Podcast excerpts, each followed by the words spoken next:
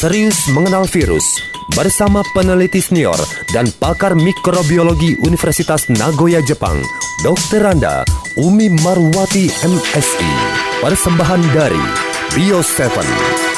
Kita hari ini kedatangan tamu, ini pakar mikrobiologi kita Ibu Umi Marwati yang akan membeberkan lebih jelas uh, terang benderang kepada kita mengenai virus ya dalam topik bahasan lebih serius tentang virus. Bisa dijelaskan ini virus ini makhluk apa nih Bu Umi?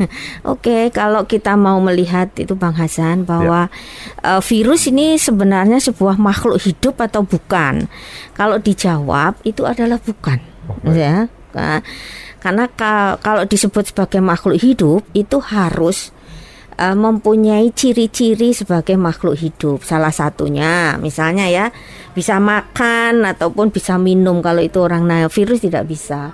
Maka virus itu merupakan suatu partikel ketika dia bisa bersikap atau dia uh, bisa hidup apabila dia itu ada di uh, sel organisme yang lain.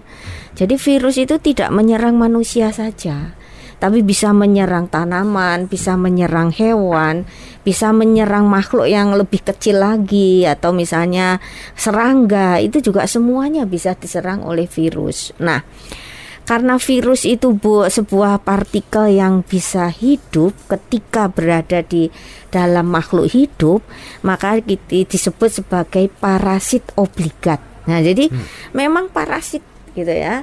Eh, obligat itu berarti harus ada uh, inangnya. Nah, inangnya digunakan oleh virus ini adalah untuk sebagai mesin ya mesin apa produksi untuk seluruh uh, apa penyusun daripada uh, organ atau penyusun bahan-bahan kimia penyusun dari virus tersebut.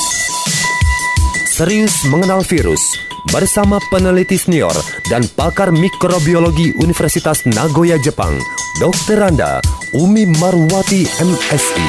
Persembahan dari Bio 7.